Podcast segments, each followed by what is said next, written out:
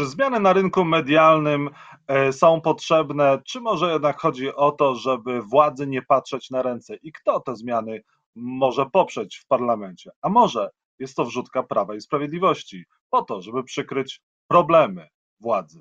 O tym za chwilkę Rzecz o Polityce. Jacek Nizinkiewicz, zapraszam. Państwa moim gościem jest Jan Strzeżak, wicerzecznik Porozumienia, szef Gabinetu Politycznego Porozumienia, lider Młodej Prawicy. Dzień dobry panie redaktorze. Dzień dobry państwu. Czy Prawo i Sprawiedliwość uzgadniało z porozumieniem projekt nowelizacji ustawy o radiofonii i telewizji? Nie, w żadnym wypadku. My o tym projekcie, tak samo zresztą jak państwo, tak samo jak większość klasy politycznej w Polsce, dowiedzieliśmy się no, tak naprawdę z mediów, a właściwie z druku sejmowego o tym, że taki projekt został złożony. Przed złożeniem tego projektu porozumienia o nim nic nie wiedziało. No ale Marek Suski, który podpisał się jako wnioskodawca pod tym projektem, mówi, że e, to jest projekt klubu Prawa i Sprawiedliwości. Porozumienie jest częścią klubu Prawa i Sprawiedliwości w parlamencie. Nie no, panie redaktorze, no to jest, gdyby to był projekt rządowy, projekt negocjowany w ramach koalicji, to rozumiem, że mogłoby być pewne obligo do tego, żeby porozumienie ten projekt poparło, ale tutaj mówimy o czymś, o czym dowiedzieliśmy się absolutnie z nienacka. Nie było to z nami konsultowane. Nawet słowem nie słyszeliśmy na korytarzu, że nagle pojawi się taki mocny e, projekt, więc my go traktujemy jako projekt posłów PiSu, a nie posłów Solidarnej Polski czy Porozumienia. Po co jest ten projekt? Co on ma na celu według Pana? Tutaj, żebym zacytował e, siarę z Killera, sam chciałbym wiedzieć, bo mówiąc szczerze, e, nie widzę żadnego racjonalnego powodu, żeby wdrażać ten projekt w życie. To znaczy, jeżeli byśmy starali się zrobić bilans plusów i minusów, zysków i strat z tego aktu prawnego, to mam wrażenie, że po stronie zysków no tak naprawdę nie ma nic. No ja akurat e, z racji tego, że także zawodowo oglądam dużo mediów i praktycznie wszystkie liczące się telewizje, no nie chciałbym się pewnego dnia obudzić w kraju, w którym zostaje tylko jeden kanał, bo to byłoby też przerażające. No tak, to byłoby, byłaby straszna sprawa.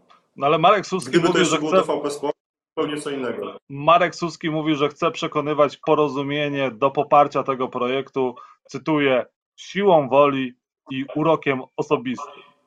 Uda się Markowi Suskiemu przekonać porozumienie?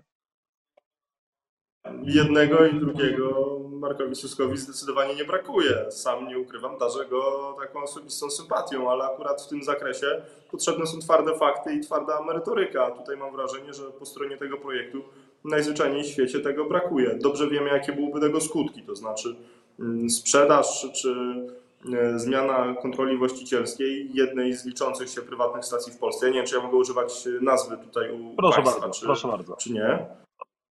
Chodziłoby o to, żeby po prostu TVN zmienił strukturę właścicielską, czy zmienił jakiś sposób funkcjonowania, czy nawet przestał nadawać w Polsce. No, to mam wrażenie, że media i politycy no, nie powinniśmy być kibicami takimi zapiewajłami, żeby chcieć, żeby funkcjonowali tylko ci, którzy mówią super, dobrze robicie, o to chodzi, tylko wy macie być, a cała reszta niech, niech siedzi cicho. No, no nie, no właśnie cała zabawa w debatę publiczną i w demokrację polega na tym, że reprezentowane są wszystkie poglądy i to nie jest tak, że kluczem jest y, to, czy się z nami zgadzają, czy nie, tylko kluczem jest to, czy robią to zgodnie z prawem, czy nie. A może byłoby dobrze, tak jak mówił Marek Suski, gdyby państwo jednak, na przykład gdyby państwowe spółki e, kupiły część, znaczną część udziałów e, TVN24?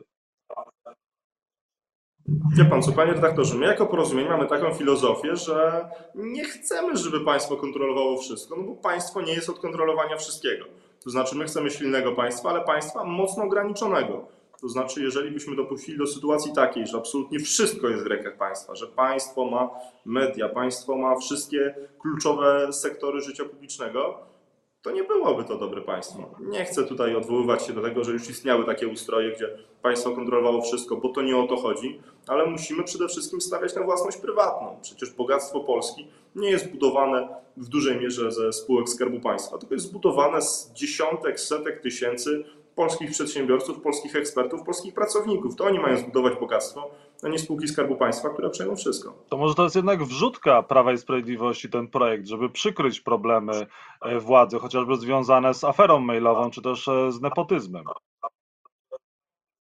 No akurat w zakresie nepotyzmu, no to koledzy z PiSu postawili na transparentność, co nas cieszy. bo w ogóle transparentność i przejrzystość w życiu publicznym jest szalenie istotna, a oni zdecydowali się na uchwałę antysitwową, uchwałę sanacyjną w ramach e, PiSu, tak żeby nie dopuszczać do sytuacji nepotyzmu. To dobrze, zasadniczo to jest coś, pod czym myślę mogą się podpisać wszystkie środowiska polityczne w Polsce, no bo taka powinna być praktyka, że no, rodziny nie są po to, żeby je zatrudniać w spółkach Skarbu Państwa. Zdecydowanie nie po to idzie się do polityki, nie po to mm, idzie się rządzić 40-milionowym krajem w Europie Środkowej. Mm, więc pytanie, czy to miałoby coś przykryć? Akurat w zakresie afery mailowej, no to myślę, że wszyscy oczekiwalibyśmy po prostu wyjaśnień, z racji tego, że to dotyczy w dużej mierze pana ministra Dworczyka. Ja go oceniam jako jednego z najlepszych ministrów tego rządu, bardzo sprawnego polityka, przed którym pewnie e, funkcja, jaką teraz sprawuje, absolutnie nie jest najwyższą funkcją, jaką w życiu będzie sprawował. Ja tutaj też nie traktuję go jako osoby winnej. No dobrze po prostu wszystko wyjaśnić, no bo wtedy debata publiczna po prostu jest na wyższym poziomie. Minister Dworczyk powinien odpowiadać na pytania w sprawie afery mailowej, pytania dziennikarzy podczas konferencji. Premier również powinien wytłumaczyć się i, i wypo, wypowiedzieć się na pytania, odpowiadać na pytania mediów? Gdyby mnie to dotyczyło, ja bym odpowiedział. Wiem, że gdyby to dotyczyło któregoś z liderów e, porozumienia, wiem, że oni także by odpowiadali. No, odpowiadanie na pytania dziennikarzy jest e, moim zdaniem absolutnym obowiązkiem e, polityka. No, mam nadzieję, że nie tylko pan minister Dworczyk i inni, ale zasadniczo wszyscy będą odpowiadać na pytania dziennikarzy, no bo zasadniczo po to jesteśmy. No to nie chodzi o to, żeby odpowiadać tylko na pytania dziennikarzy, tych, których wiemy, kolokwialnie mówiąc, że nas nie skrzywdzą. No chodzi o to, żeby mierzyć się z trudnymi pytaniami, bo to nie chodzi o to, żeby się głaskać, chodzi o to, żeby opinia publiczna znała prawdę. Na ile wy jesteście się zgodzić, jeżeli chodzi o ustawy składające się na Polski Ład, a czego, za czym nie zagłosujecie, za czym nie podniesiecie ręki? Czy kwestie dotyczące reformy podatkowej wy poprzecie w takim kształcie, w jakim one są zapowiadane, czy zgodzicie się na likwidację możliwości odpisania od podatku składki zdrowotnej na przykład? Miałbym, mam spore wątpliwości, czy znajdzie się większość wewnątrz porozumienia, żeby poprzeć takie rozwiązania. To znaczy, jeżeli spojrzymy na rozwiązania podatkowe w ramach Polskiego Ładu, no to są rzeczy dobre. Wyższa kwota wolna od podatku, postulat porozumienia, to jest fajne. Wyższy drugi próg podatkowy, dobry pomysł. Subwencja rozwojowa dla samorządów, dobry pomysł, ale są rzeczy, które nam się nie podobają i to też nie jest tak, że porozumienie będzie popierało absolutnie wszystko. My zgadzamy się kierunkowo z Polskim Ładem, no ale inne rzeczy musimy po prostu wypracować wspólnie. Nie może być tak, że Polski Ład doprowadzi do tego, że ci, którzy budują bogactwo Polski, mali i średni przedsiębiorcy, będą po prostu skrzywdzeni. Czyli przedsiębiorców skrzywdzić nie dacie na wszystko w Polskim Ładzie zgodzić się nie zgodzicie. Nie, no nie jesteśmy po to, żeby wizerunkowo zgadzać się na wszystko. No, gdyby tak było, to bym już do porozumienia nie należał, jeżeli byśmy mieli być po prostu ludźmi od podnoszenia ręki za wszystkim, nawet jeżeli jest sprzeczne z naszymi poglądami. Nie, my akurat wielokrotnie pokazywaliśmy, że nie jesteśmy przyspawani do stołu. Nie jesteśmy, nie, musi, nie, musimy, nie musimy za wszelką cenę się ich trzymać. My będziemy bronić, tak jak broniliśmy wcześniej, małych i średnich polskich przedsiębiorców. Mogą na nas liczyć. Będziemy w tym konsekwentni. A czy Donald Tusk może liczyć na Jarosława Gowina? Swego czasu pojawiały się informacje o tym, że e, szef porozumienia spotykał się z Donaldem Tuskiem. Adam Bielan powtarzał tego typu historie. Rzeczywiście jest jakiś kontakt między panami? Ja nie ukrywam, wtedy gratulowałem Adamowi Bielanowi bardzo dużej kreatywności. No jednak szacun. To było naprawdę niezłe. Nie, kontaktu absolutnie nie ma. Ostatni raz panowie rozmawiali w 2013 roku, wtedy, gdy Donald Tusk informował Jarosława Gowina o dymisji z funkcji ministra sprawiedliwości tutaj mam wrażenie, że niespecjalnie jest pole do współpracy. Mhm. I na koniec, a jest pole do współpracy między Partią Republikańską a Porozumieniem? Adam Bielan mówił o połączeniu Porozumienia z Partią Republikańską.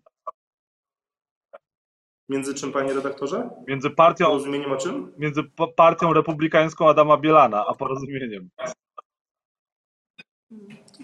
Doceniam, panie redaktorze, humor o godzinie 9.34 w poniedziałek ale to jest akurat partia tylko z nazwy, no to jest taka filia, taka przystaw, nawet nie przystaweczka, takie czekadełko, które się dostaje od kelnera, a tutaj szefem kuchni jest y, prezes, prezes Prawa i Sprawiedliwości Jarosław Kaczyński.